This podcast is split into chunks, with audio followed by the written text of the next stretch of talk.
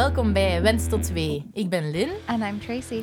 en wij praten over alles dat te maken heeft met zwangerschap, And birth, postnatale periode trying to conceive en eigenlijk alles tussenin. from the perspective of a local Belgian and an expat Canadian. Wij nemen jullie mee in onze verhalen, interviews en gewoon leuke gesprekken. Thanks for being here. Hope you enjoy. Welkom iedereen bij een nieuwe aflevering van Wens tot 2. Vandaag hebben we eh, Chloe te gast. Eh, Chloe is een voetvrouw en ook een doula. En eh, zij werkt in de voetvrouwenpraktijk Geborgen Geboorte in Gent. En eh wij zijn heel blij om haar vandaag hier als gast te hebben. Yeah, we are actually from the same upletting group. So it's Yeah. really nice to see you in person. It's been a while.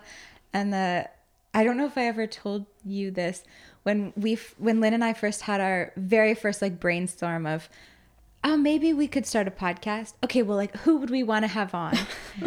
you were like right away one of the first people on my list. I was like, there's this girl in my in my group, and she's she's doing the doula training, but she's also a midwife, and I think she'd be really cool to talk to, and I think you'd really like her. And you were like right away one of the first like dream guests that I put down on the list. Dank je. Dat is zo leuk om hier te zijn. Ik vind het echt tof om zo samen te zitten. Ja, We zijn en- hier al even aan het babbelen, maar ja, we gaan... yeah, we'll try and remember what Yeah. what we already talked about, and I'm sure we'll jump around a bit. But yeah, it was.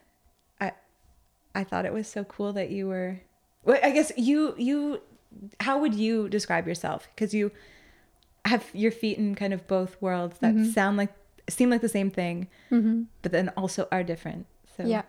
Dus eh, ja, ik ben Chloe. Ik ben eigenlijk vroedvrouw eerst sinds 2017 ehm, opgeleid in, eh, in Brussel. En dan ben ik begonnen met te werken als zelfstandige vroedvrouw eh, bij Zwanger in Brussel. Dus een vroedvrouwpraktijk. Dan ben ik verhuisd naar Gent en was ik op zoek naar een soort van solo-vroedvrouw te zijn. Maar ik wou ook wel het doula-aspect leren kennen, omdat ik het dan ook op mijn eigen kon doen. En zo ben ik op de doula-opleiding terechtgekomen. En ehm, dan dacht ik, ah, ik kan eigenlijk gewoon doula zijn. Dan ben ik eigenlijk wel... Moet ik niet hangen... Kan ik van wacht zijn, bevallingen... Daar zijn al bevallingen. En dan gewoon niet in een grote team moeten zijn. Meer zelfstandig. En dacht ik, dat is eigenlijk perfect. En toen zei er iemand tegen mij, ja, maar jij bent vroedvrouw. Ja, mag, dat mag niet. Legaal ben je gewoon vroedvrouw. Dus als er iets is aan die bevalling, dan moet je wel iets kunnen doen. En eh, ja, dus dat was eigenlijk gewoon een zoektocht tot nu om... Toen was er nog geboren geboorte niet, dus we waren zo een beetje aan het zoeken. Ben ik Sophie, eh, maar Sophie van Kouwelaert van Samen voor Respectvolle Geboorte tegengekomen. En hebben we samen iets... eh, zijn we samen aan geboren geboorte begonnen van, eh, met het idee van ja, iets klein te doen. Zij was toen nog ook niet in doula-opleiding, ook gewoon heel open voor dat idee. En dan zo is ze gewoon... Ze zei, ah ja, maar ik wou ook wel doen, doula, dat is cool, is zo- zo'n leuke combi dat dat is. Eh, hoe dat we het gaan doen, dat weten we nog niet goed, maar we gaan dat gewoon doen. En nu is het gegroeid ehm, tot een soort mooie combinatie. We kunnen er wel verder op ingaan, maar dus we zijn ook eerst en vooral vroedvrouwen. Als er iets is, gaan we natuurlijk altijd iets doen als we bij een mama toekomen die bevallen is bijvoorbeeld, voor postnatale doula, want we zijn ook allebei postnataal doula ehm, opgeleid. Gaan we, als we zien, ah, die mama heeft een borstontsteking, dan gaat onze rol van vroedvrouw bijvoorbeeld eerst aan bod Mhm. komen. Sowieso, dat, allee, we moeten iets doen. Dat is een soort voor, een klein voordeel. Maar we kunnen er ook wel bij, bij zijn, bijvoorbeeld op een thuisbevalling als doula met twee andere vroedvrouwen bij. Dus dat is heel tof, die flex, dat flexibiliteit eigenlijk gewoon. Mm. Eh, voor ons is dat wel... ehm, ja, dat, dat is mooi. Voor ons is dat een mooie combi. I think that's a really cool thing to be able to do. I would imagine that being very challenging because it's the whole concept in I think especially in the the uploading that we've all done is it's very specific that doulas do not touch medical thing like mm-hmm. medical is not medical and doula do not go together at all. Ja. So to know that you but legally like you have you have to keep that part of your brain on Yeah. just because you are trained that I guess it's like if you're on a plane and someone says, Is there a doctor? If you're a doctor, you you have to answer, Yes, I'm a doctor. like mm-hmm. Legally you, you are the responsible person in that situation. That would Yeah. be I would imagine that being very challenging op zich. to navigate, or is it is that just my perception? Ehm, ik dacht dat ook in het begin, maar eigenlijk de scenario, wij bieden geen thuisbevallingen aan als vroedvrouw. Dus dan zijn we eigenlijk Ah, altijd... Dus wij gaan Ah, als oké. doula mee naar thuisbevallingen. Waar er al twee vroedvrouwen zijn. Right. Of één vroedvrouw is die dan verantwoordelijk is Ja. voor de bevalling. Dus er is altijd iemand over, allee, op ons, die, dus bijvoorbeeld in een ziekenhuissetting, ehm, is er de vroedvrouw van het ziekenhuis en de gynaecoloog, die, en dan wij. Mhm. Dus eigenlijk zijn we niet verantwoordelijk voor de bevalling medisch. Hè? Behalve als we alleen in het ziekenhuis zijn, maar dat is nooit Oh, het ja. geval. Dus ja, dat is eigenlijk een... So then, how does the midwife part of that play in at all? Do you, you do?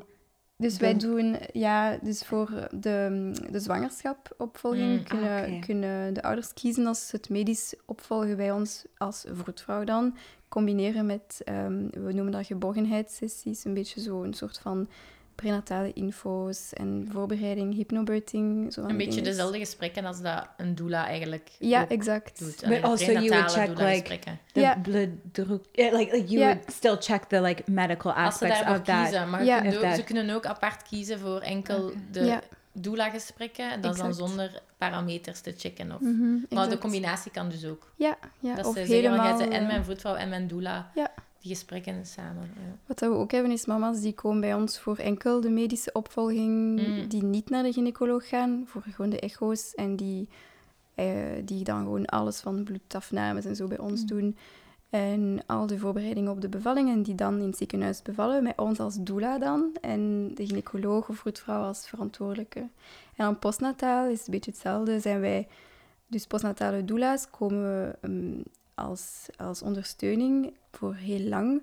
En dan daarnaast bieden we ook die medische opvolging, babywegen, kijk naar borstvoeding, al die parameters bekijken. Ja. Maar dat is dus los van het doula-aspect. Want op zich, wat, dat is een half uur. Allee, op zich zijn we daar heel kort als vroedvrouw. En dat vonden we ook net spijtig dat we daar niet langer konden blijven. En er bestond zeker voor, omdat we geconventioneerd zijn, mogen ook soms zitten daar een uur en een half bij de, bij de mama's. En dan voor, voor 30 euro of zo. Dat is gewoon belachelijk. In België is dat zo'n Mhm. beetje... Op dit moment blijven we geconventioneerd. Dus wouden we ook gewoon vier uur aan huis kunnen blijven. En echt wel koken voor de mensen. En, en een massage doen. En zo Jonis team. En, en een sluitingsritueel. En je kunt dat ook als vroedvrouw doen, absoluut. Wij vonden de naam doula, vroedvrouw, een mooie aanvulling. Zo, hè. Een beetje, ja, een specialisatie van ons, van ons vroedvrouwtaak eigenlijk, zonder dat we doula zien als een specialisatie per se, hè, maar dat was voor ons een mooie identiteit of zo, Mhm. opbouw. Ik denk dat ehm, ik denk dat vooral zo, eh, de verwarring of zo wat het, het sceptische ehm eraan vooral ligt als je als vroedvrouw bij een thuisbevalling bent of zo. Allee, als je als vroedvrouw de verantwoordelijke bent voor het medische tijdens een bevalling. En dat die vroedvrouwen op dat moment zeggen, ik ben ook doula in die situatie. Ik denk dat daar vooral ehm, wel terecht ook, denk ik, met bepaalde vragen naar gekeken kan worden. Oké, je bent daar als vroedvrouw in, de medische, in het medische aspect. Oké, sowieso dat een vroedvrouw ook wel psychologische ondersteuning kan bieden, maar niet in, in op dezelfde manier als een doula. En dat daar dan vooral zoiets is van, oké, kan een vroedvrouw die als vroedvrouw bij een bevalling is, ook echt die doula-rol opnemen. Waar dat sommige mensen dan in zeggen van, dat gaat niet omdat je dat medische aspect, als er iets misgaat, Allee, of er loopt iets medisch mis, kun je als vroedvrouw onmogelijk dan nog die doula-rol invullen, omdat je direct moet overschakelen naar het, het, het medische brein. Mhm. Maar dat is in jullie geval dan niet toepasbaar, omdat jullie effectief geen thuisbevallingen doen Mhm. als vroedvrouw. Ja, en zou, zouden we dat dan wel doen, zouden we echt een doula nodig hebben Mm.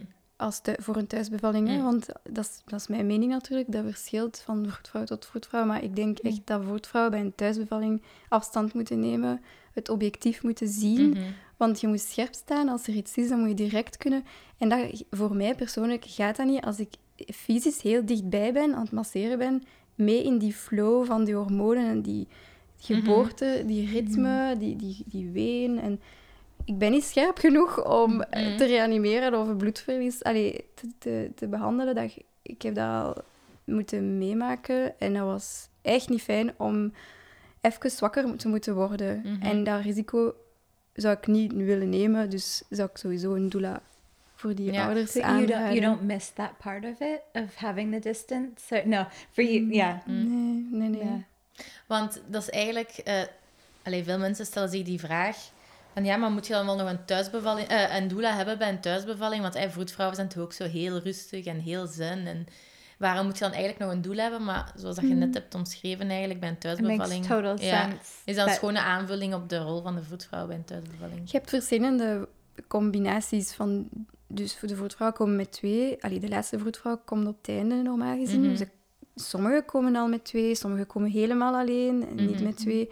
Ehm, Because waarom? here in Belgium, you can legally, as a midwife, do home births alone. Alleen, ja It's not like that everywhere, but here legally you can, most don't, is my understanding. Ja, ja, ja. Ehm, de meesten vinden dat fijn om met twee te zijn, omdat ze dan inderdaad, eh, als er iets is, dan zijn ze met twee. Het is handig om die complicaties te, te, te doen en ehm, te behandelen. Maar ja, dat, dat vroedkunde is, is sowieso... Die afstand is zo belangrijk voor je eigen. Dus je hebt een emotionele ondersteuning. Je hebt die wel met je vroedvrouw. Maar mijn doula, dat is echt puur en dat is gewoon dat. Hè. De Mhm. doula is fantastisch op dat vlak. Ze kan helemaal meegaan in jouw verhaal, In jouw gevoel ook. in jouw gevoel. Ehm, maar bij sommige koppels lukt dat niet, hebben ze dat niet nodig. En is de partner dan genoeg, denk ik ook. Die staat er ook dichtbij. En, en voilà, dus we kunnen niet... Alles is zo, alle scenario's kunnen op zich wel. Ja, ja, tuurlijk, tuurlijk. En eh, dus ja, als je ervoor kiest om zoals vroedvrouw alleen te gaan, is dat, ja, moet je natuurlijk wel ook scherp genoeg zijn. En, maar ja, dat, dat gebeurt wel. Ik denk dat Tracy, je gaat nu met een voetvrouw, met, die is met een voetvrouw, solo voetvrouw bevallen thuis. Uh, yes, she does have a backup Ah, person that she works with as well, um, who is newer, and I think we've met her once uh, at a prenatal so a- appointment, and I actually I'm under the impression that they like would come together, but I think her backup actually right now lives in Luxembourg. So I'm not really sure. I'm not sure what the practical aspects of that are. I guess that's something I should be asking. Um, Maar But, de vorige vroedvrouw was ook alleen, hè? she also had a backup and like other colleagues. moest ze ziek worden, maar niet van ik kom met twee. Of... No, I think she had someone that would have come at the end, and I think it was Ah. also a little bit different because we did still go to her and her like Geboortehuis. sort of thing. So I don't know if that would have looked any different because we were there in her praktijk, basically, versus her coming to here. I'm not sure, but she she did all of. Uh, we never met her, her like second person. Maar ik heb een bevalling maar Eh. binnen een paar dagen waarschijnlijk. Dus dan Yeah, zou I'd be curious. I'm curious to see how that komt. goes. Ik heb het toch nog niet gehoord. Allee, van de mama die ik begeleid. Ze heeft toch niks laten vallen van dat er meer als...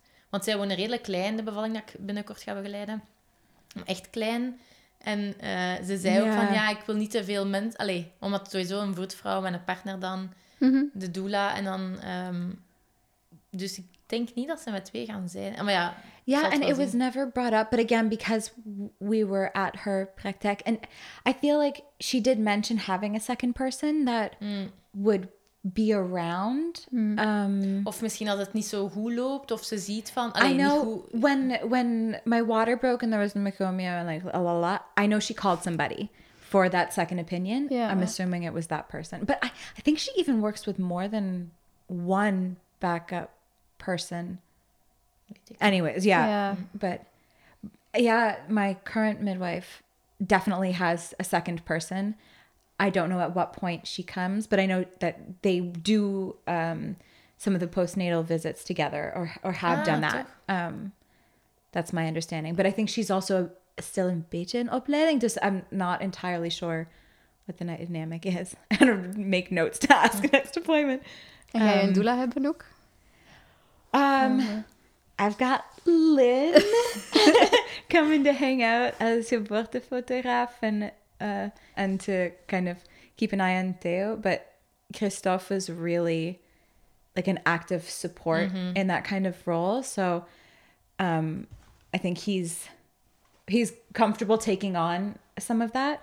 I think my midwife has an aspect of doula to her as well. Yeah. Um, my hope is to be as like hands off, not quite like free birth unassisted, no one around, because obviously we are having a midwife somewhere in the house. Um, but there's also the possibility, hopefully, of my parents being around. So like there's people around. Um, having a specific doula, maybe I'll look back in you know however many weeks time and go, fuck, should have had a doula. But I think there's a there's doula energy around. Yeah. Yeah, definitely. Uh, so that's for me. Ja, en thinking about, eh, eh, met het erover te praten, moeten we zeker nog een keer zo afspreken van... Yeah, Zo- Lynn is not my doula. Nee, ik ben niet je doula, maar zo, als, But- als ik dingen zie of zo, de, waar dat je zegt van, zo van nee, of van, allee, daar moet je niet op ingaan, of daar moet je wel op in. Allee, snap je zeker de rol als zo geboortefotograaf slash vriendin slash doula dat ik ben, inherent, zo van, oké, Ja. Is niet gemakkelijk, hè? ja, gewoon... Maar dat, dat- ik denk dat wij daar zeer concrete afspraken over kunnen maken van... Yeah, and I, I think it's something that like you know Christophe really well. You know ja, Claire ja, really well. we Like all, all of that. praten, ja. I'm not like Of als Christophe bij mij about- komt van dit of dit, dan ga ik niet zeggen van... eh, ik ben geen doula, dus ik ga hier niet op antwoorden. Allee, snap je? Mm. De, Yeah, yeah, yeah, yeah. I think he'll appreciate that because he's also. I don't know. I don't know if it's di- da- Stella. Come here. People are allowed to walk by, baby. Um. I don't know if it's different because, like, I I have trauma from from Theo's birth that he didn't experience in the same way at the time, but can like recognize now. So I feel like he's feeling like a really big weight of responsibility, hmm. and like the only talk about like birth plan or birth goals. Like the only thing that he will say is, "I just want you to not be traumatized. I just want you to not be like to be okay." And I'm like, "Yep." I like I appreciate that, but that's not that's not your responsibility. Hmm. Like if if people decide to be abusive, there's nothing you can do about that, right? Like I mean, there is, but that's not Yeah, that yeah. doesn't come back to you.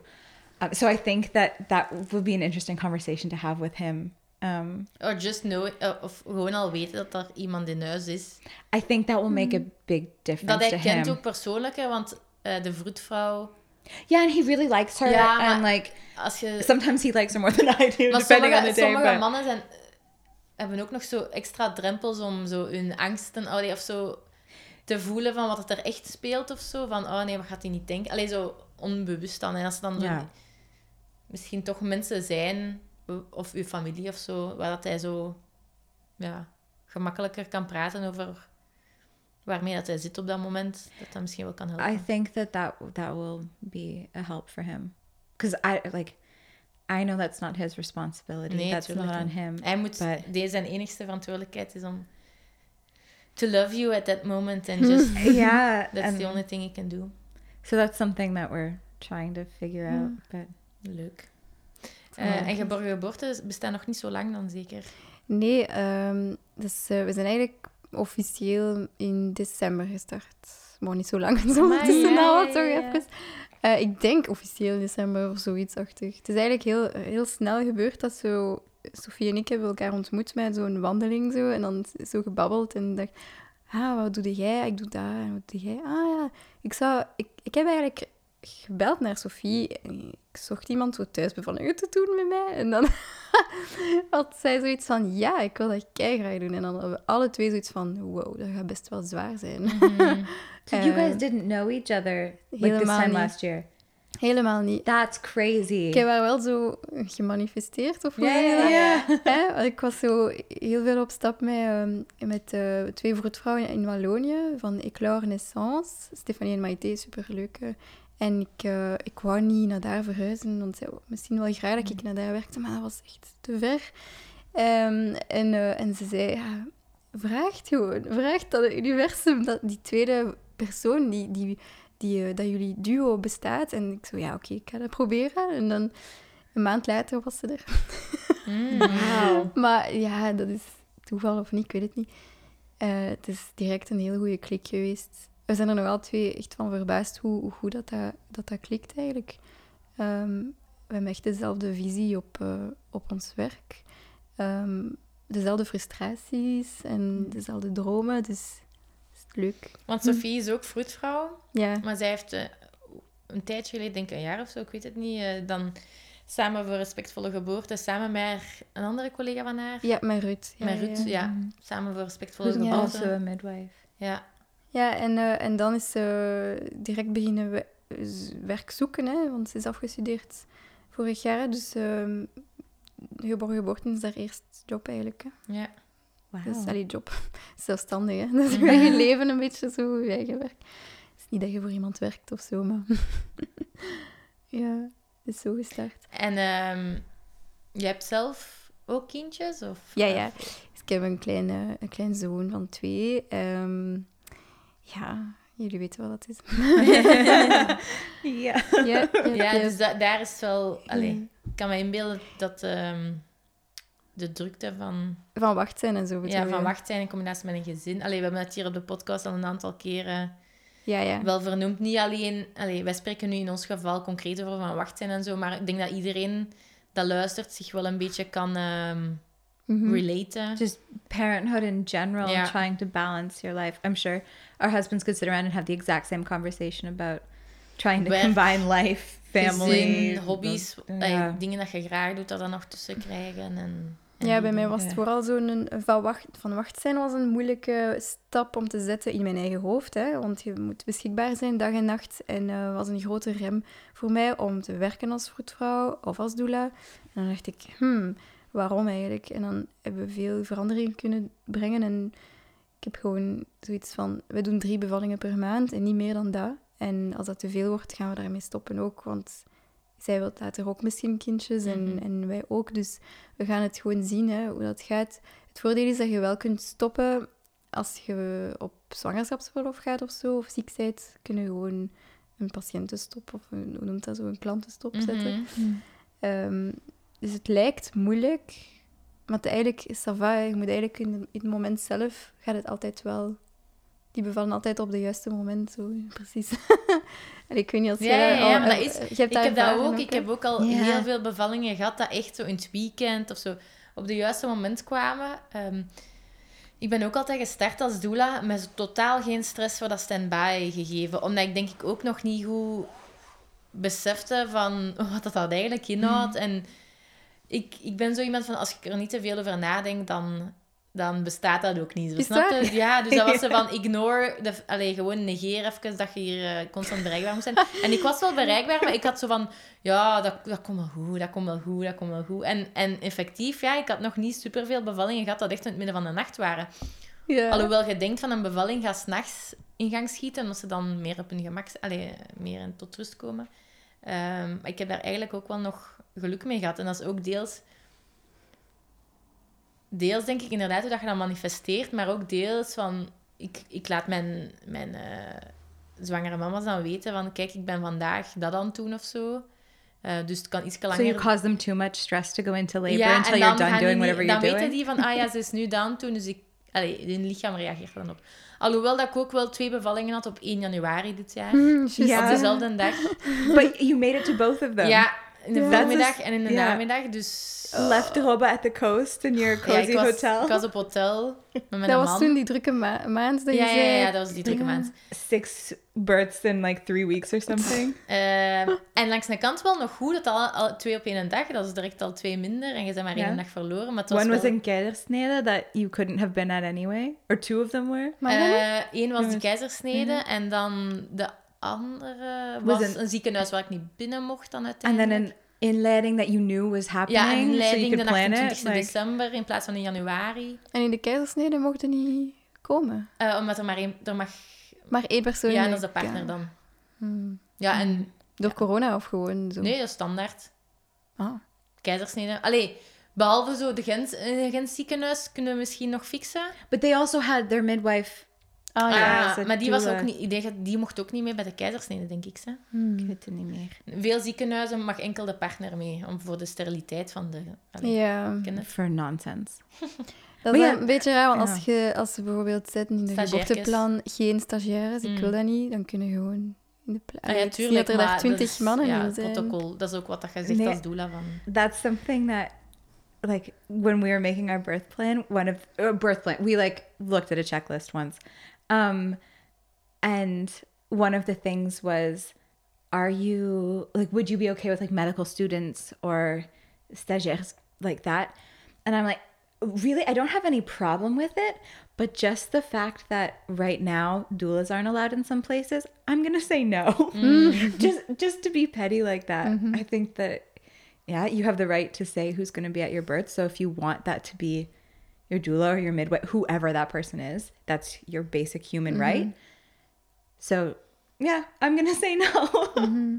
yeah, it might be silly, but Ik had ook voor mijn bevalling had ik zo liever zo weinig mogelijk. Ja, ik wou al thuis bevallen, dat was niet gelukt. Ze waren daar in het Ah ja, ziekenhuis. was uw bevallingsverhaal eigenlijk? Ja, of ja.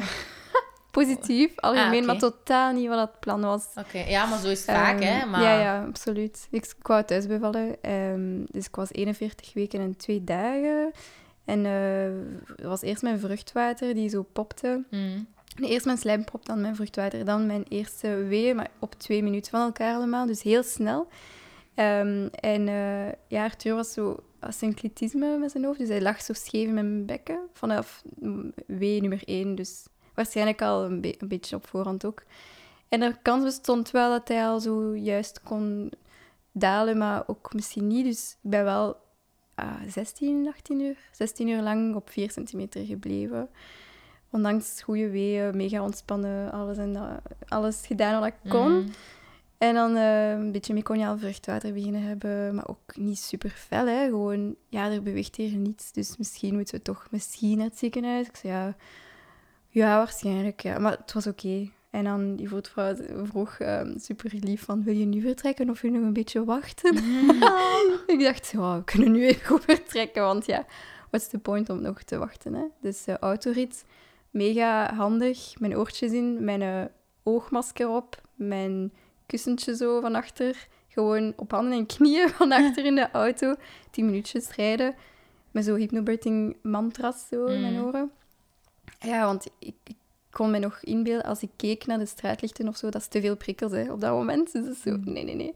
Dus dat is het beste tip ever dat ik gekregen heb van iemand, was oogmasker, Mhm. iets in je oren en het is zo gedaan, hè. Je bent in het ziekenhuis. En daar, mega tof. eh, niemand in, de, in het verloskwartier bijna. Ehm, ik denk, ja, ze wisten dat ik vroedvrouw was, dus misschien was ze ook...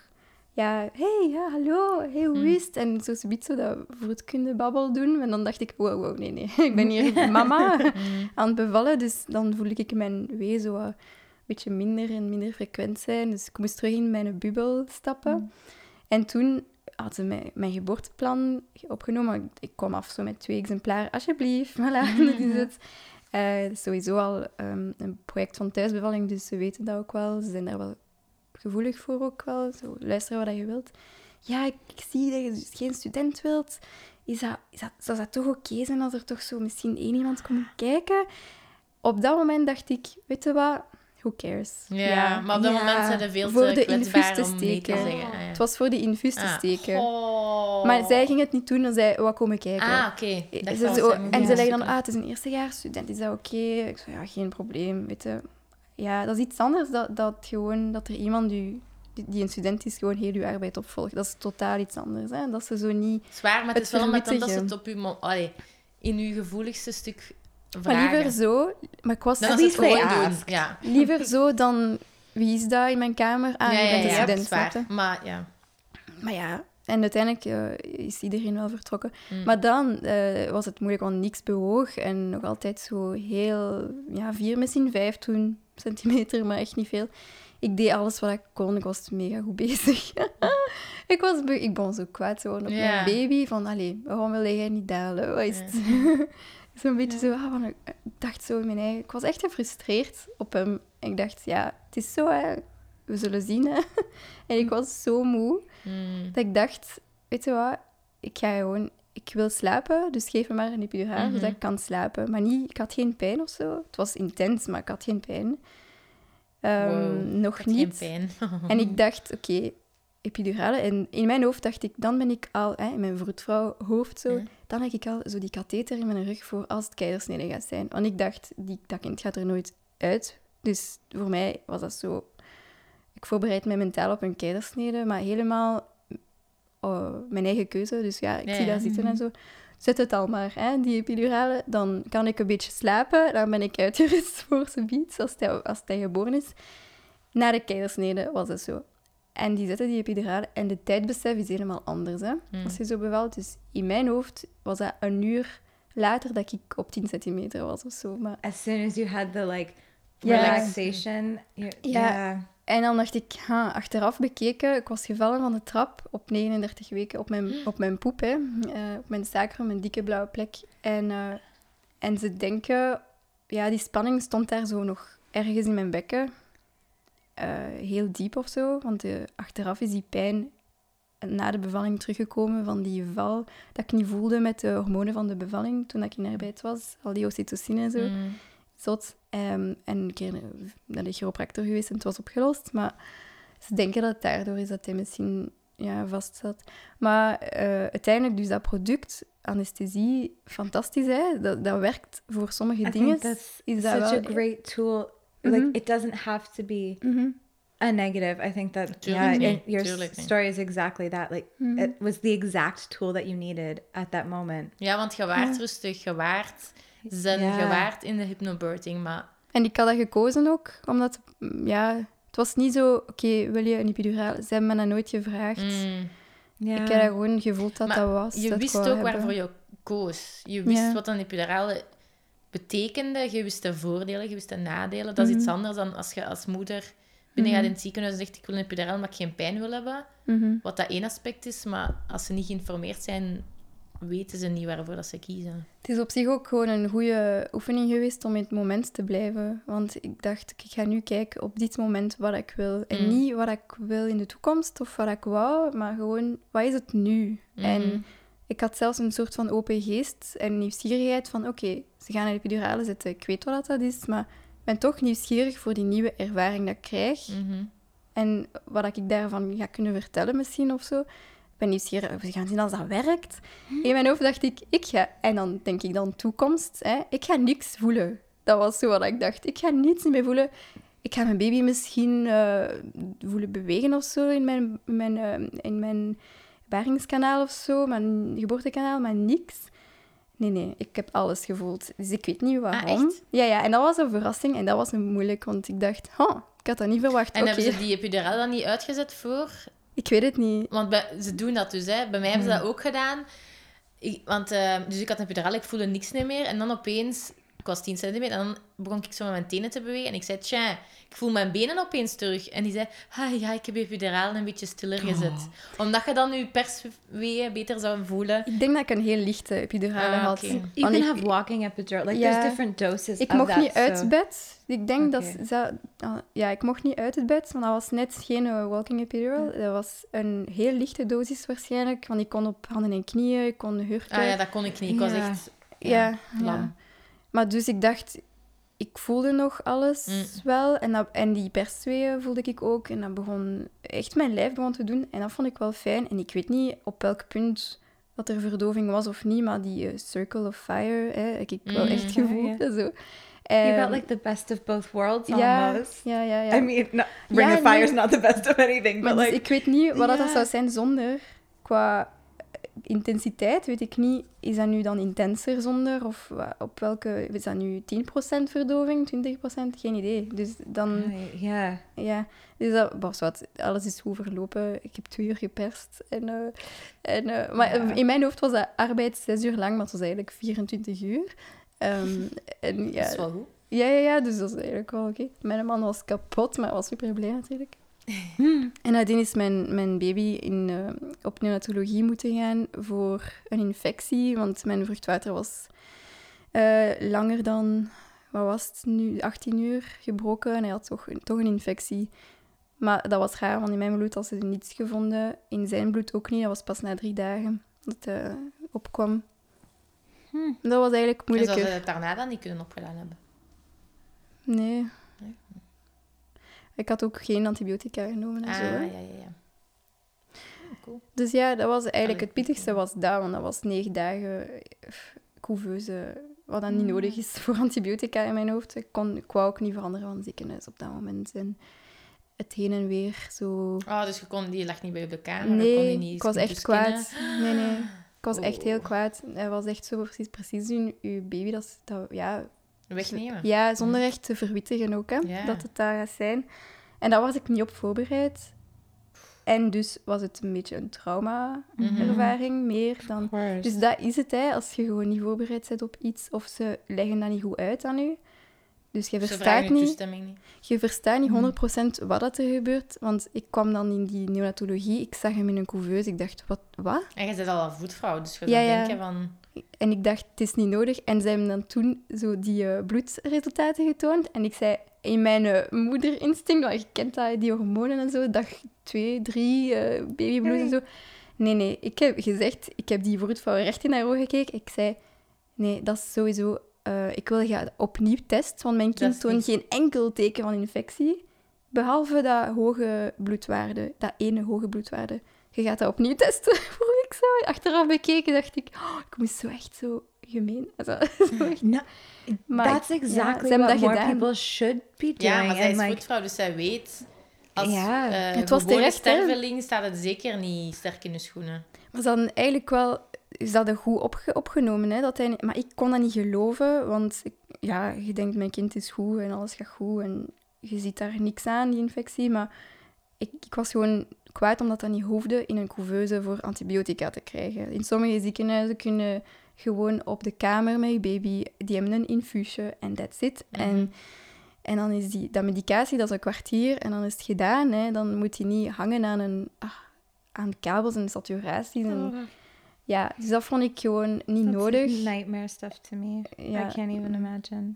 Want heel die ervaring, je zit dan in een zaal met andere prematuurtjes en dan je baby van 41 weken. Ja, Ja, en de andere prematuurtjes, dat is dan life or death Ja, soms en zo. en, ja, en eh, dat zijn die alarmbellen die, die Constant gaan. afgaan, ja. En mijn man had daar zoveel stress over. Dat zal wel, want je denkt Ah. altijd dat die van u is dat afgaat. Maar ja, die, die is gewoon niet gewoon aan zo'n een, een stressomgeving. En, en voor, haar- voor hem is, was het ook heel, heel, heel moeilijk om te beleven. En dan we waren echt de dagen aan het aftellen tegen dat we naar huis mochten.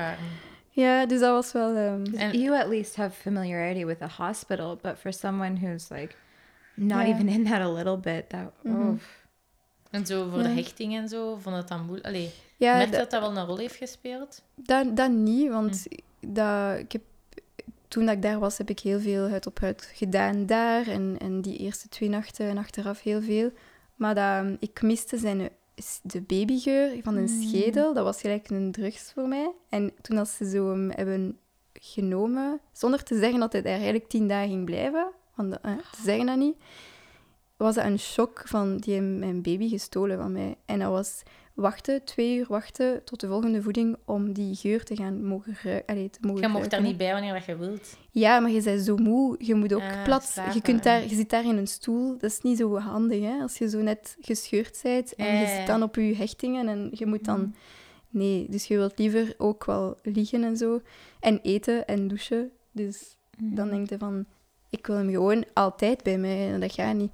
En dat, wa- ik was echt kwaad op dat moment. Maar op zich, nu achteraf bekeken, is het wel goed gekomen met de tijd. Die hechting krijg je terug. Die tijd krijg je terug samen, ook als je thuis bent. Chance. Ehm, maar het onverwachte was, ja, ze pakken die af van u en je weet niet waarom. En ze leggen dat niet uit. Ja, we gaan even een bloedcontrole doen in de neonatologie. En dan, oké, pak hem maar. En dan komt hij nooit niet meer terug. En jij denkt, en jij denkt dat ze op voorhand al wisten van... Misschien miscommunicatie, maar het is gewoon geen professionele manier om. Allee, het is ook een heel gevaarlijke manier voor de hechting. Nu ja, mm, ja.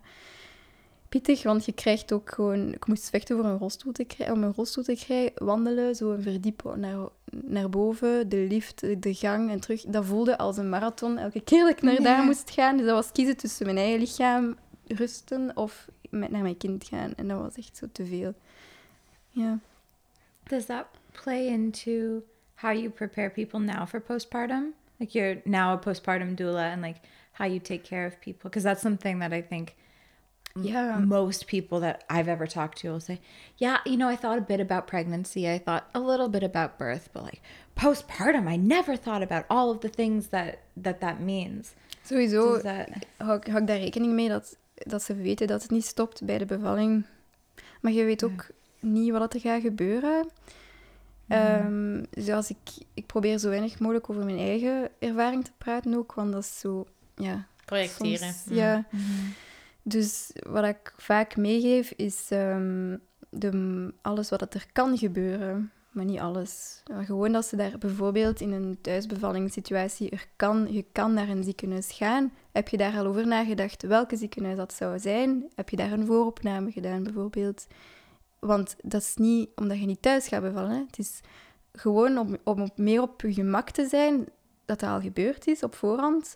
Dat dat geen grote shock wordt als het gebeurt. Dat dat geen, ook geen faalgevoel is als het gebeurt. Ehm, maar meer dan dat denk ik niet dat je kunt doen. Hè. Je kunt je voorbereiden tot op een bepaald moment en dan komt het ouderschap gewoon. En dat is een mooie les ook van het onverwacht die op je afkomt.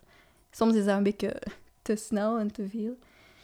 Maar ja, And that, I guess it keeps going like that. You you don't know what's going to happen through any stage of of that and then you have a kid and you're still two steps behind them because as soon as you think you've figured something out, they've learned something else and you Dus ook have to- informed consent, hè, al die dingen. Want zo, zo zou ik het opnieuw beter doen. Nu doen we voor alles een informed consent. Zo voor ook gewoon een bloedafname van diabetes te testen op een GBS, informed consent.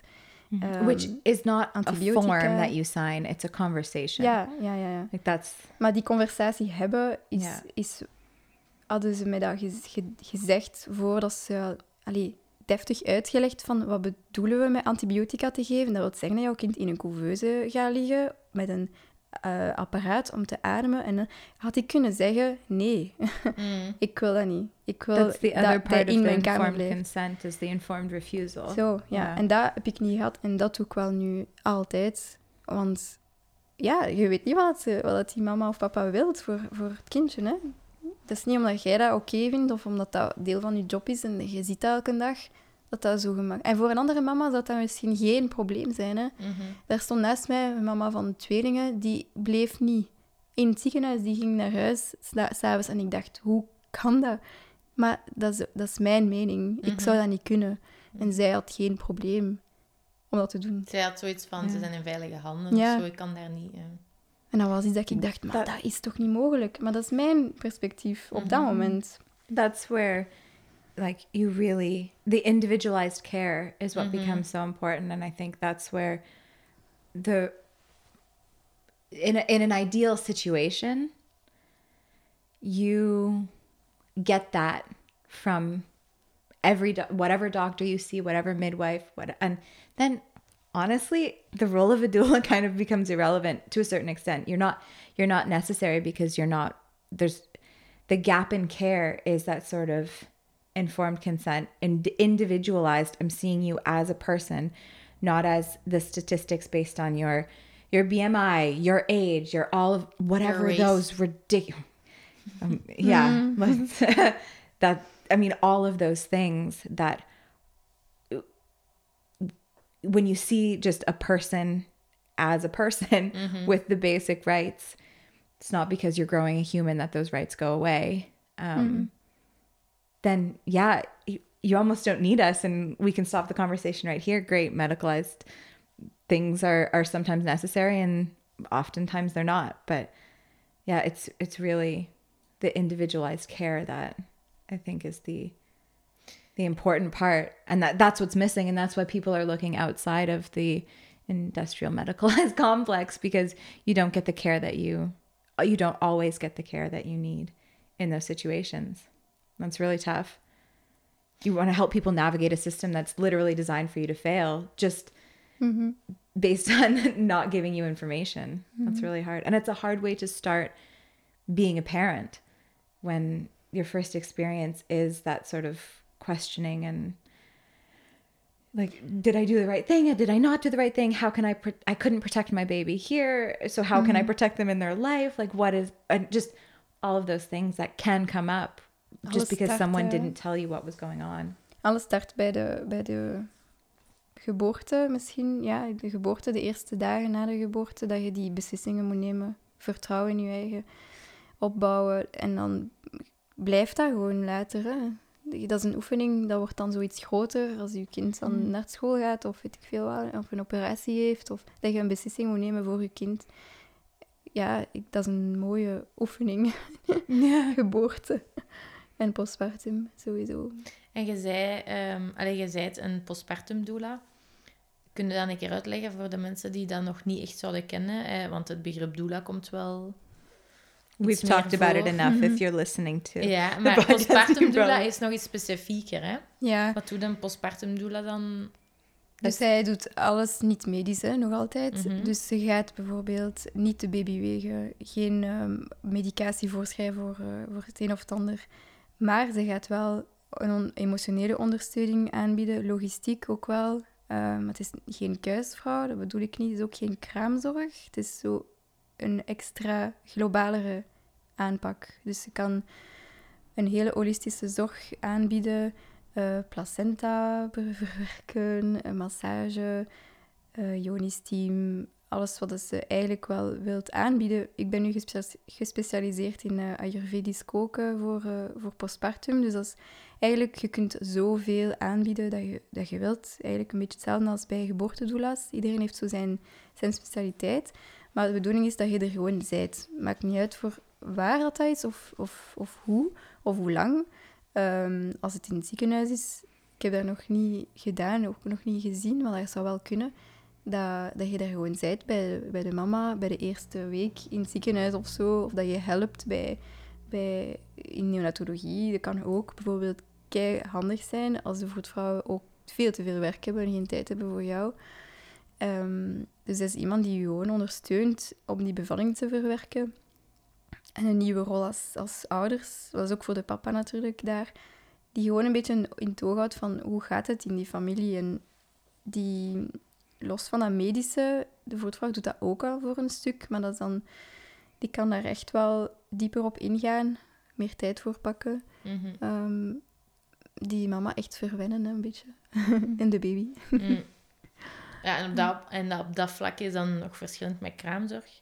Ja, ehm dan hangt er nog ook vanaf wat dat de kraamzorg doet en wat voor kraamzorg dat je hebt. Ehm, misschien is dat een synoniem in sommige gevallen.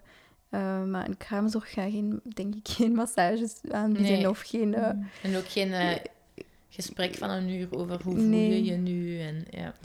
And Um, ideally, I would think your postpartum doula would also be someone that you've at least met at some point during your pregnancy and possibly at your birth as well, if Mhm. that's something you do. Yeah, ja, ja. Um, whereas the kramzor, I think, could be a different person every Mhm. time. I don't really know how that Normaal works. nemen but- ze wel altijd dezelfde, maar ja, door planning problemen Ja. kan het wel...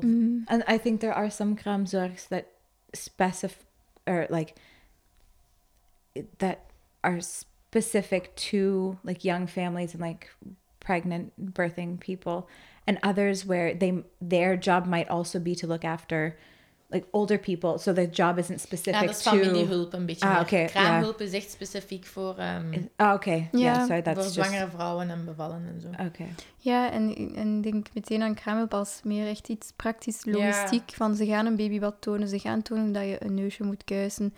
Eh, het verschil met een, een postnatale doula is dat ze daar een hele globale impact... Dus bijvoorbeeld een babybad gaat een, een heel ritueel zijn over een, een, het verwelkom baby op de aarde. En we gaan tijd nemen om de spanningen te, los te laten van uw bevalling in bad. En er is een, het is een zorg. Het is echt wel een, een opgebouwde iets. Het is niet hoe dat je een, bad moet geven. Nee, En doe het dan een zelf. praktische aspect, het is meer Het is, de... eh, doula gaat de mama en de baby in bad zetten en zeggen... Verbinding geniet- brengen met ja, elkaar. en ik maak je iets... iets ja, ik, ik verzorg u. Wat dat de kraamzorg ook doet, hè. Ehm, het is gewoon niet vergelijkbaar. Het is, Mhm. ehm, en zeker als je tweelingen hebt of andere kindjes ook al. Ik doe- Postnatale doula kan gewoon zorgen voor de andere kindjes. Wat dat de kraamzorg ook doet. Ehm, ik denk dat dat gewoon een specialisatie is ook Mhm. van... eh, natuurlijk, het is, eh, het is niet zomaar... Een sluitingsritueel is iets dat heel complex is bijvoorbeeld, waar dat je niet per se complex om te, om te doen, maar dat voor de mama complex kan zijn om dingen te verwerken. Die... En wat is een sluitingsritueel voor de mensen die het niet zouden weten? Ja, dus dat is, ehm, dat is, we werken met rebozo-doeken, dus grote schalen. En we gaan de mama sluiten. Dus dat wil zeggen, ehm, met de sjaal een beetje zo, moet ik het zeggen, je, hebt een, je kunt dat alleen doen, maar ook met twee, waar dat je dus zacht gaat, gaat alles, al het lichaam toe gaat maken. Hè, Een beetje van, zoals een corset. ja, maar dan zo op een zachtere manier, van Mhm. kop tot teen. En dan laat je die zo even ehm, ontspannen onder de doeken. Hè. Dus je ziet ook niks op dat moment. En dat wordt typisch gedaan na de 40 dagen na de bevalling. Hè. Dus eh, om een beetje de kraamtijd af te ronden. En, ehm, en dan maken we het allemaal los. Het is voorafgaand, gaat de mama eh, gemasseerd worden, gaat ze in bad, gaat ze uitzweten. Het is echt een detox van je lichaam. Hmm. En er komt best wel veel vrij van emoties op dat moment. Ehm, en het is ook heel goed als dat dan gebeurt, maar... Of soms niet, dat is ook oké. Hmm. Eh, en dat is het een beetje, dat duurt drie, vier uur. En dan, Ah, maar toch? ja, dan zijn we daar. eh. Is een soort feest ook. ehm, een soort viering van... Vroeger werd dat... Het is eigenlijk een oude Mexicaanse traditie, hè, die sluitingsritueel. En vroeger werd dat gedaan als, eh, met heel veel vrouwen in je huis. Jouw zussen, jouw mama, jouw oma, de papa's natuurlijk ook, de andere kindjes. En er werd gegeten, gedronken eh, en, eh, en gesloten. Hmm. En dat was een mooi moment voor de mama. Vergelijkbaar met een baby shower, maar dan in Omgekeerd. postpartum. Ja. You've spent like nine months of opening your body and opening your like your spirit, what Mm. whatever that is. Your vagina. Laten we dat gewoon even zeggen. No, I was like it's mentally like Yeah, yeah, spiritually yeah, yeah, like. The, all, all everything about Your you is just like your heart, opens. yeah. Je bent zo That open, like hè. Als je, like- als je moet bevallen, moet je alles open doen, hè. Je ha- Ja. Niet enkel je, Je vagina, hoofd, je niet, niet enkel je baarmoeder. Je ja. maar ook gewoon echt je, je hart en jezelf, hè. Je eigen gewoon in duizend stukken, hè. Ja, Ja. alles open doen. Then En het terug bring sluiten it back is... together. Mhm. Ja, ook de bellybinding dat we doen, die gaat daar ook op. Hè. Dat je dan echt wel... Maar dat is dan echt zo twee, drie uur, vier uur dat je die, die heupen gaat, gaat eh, sluiten. Hè. Maar dat doet geen pijn of Nee, zo. nee, hè. maar is, eh, als doula moet je dat toch eh, leuk vinden. Allee. ja, ja, ja, vaak laat je dat It's ook not gewoon... for everyone. Nee, nee. Nee, nee. How do you feel about it, Lynn? Ja, nee.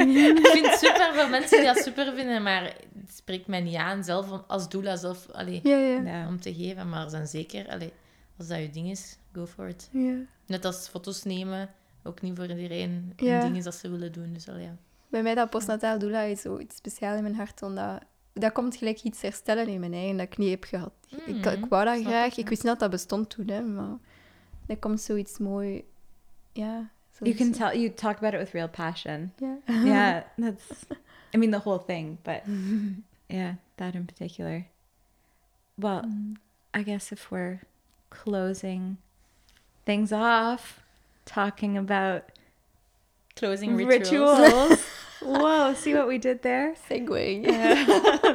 then, I mean, I think we could sit here for another three or four hours and talk about whatever, but um, this was really nice. Mhm. Merci dat ik erbij mocht zijn. Graag gedaan en Thank fijn you. om ook zo die insteek van een voetvrouw en zo te kunnen horen. En ook gewoon, ja, nieuwe ervaringen via Ja. iemand anders dan Yeah, I didn't know we were going to get your birth story too. That's one of my favorite things is like Mhm. birth stories. And, En zeker all of that. Als, I er, love als that. er ervaringen zijn die niet, ehm, eh, niet super voorkomend zijn, maar dat we misschien wel meer kunnen voorkomen dan dat we misschien zouden denken.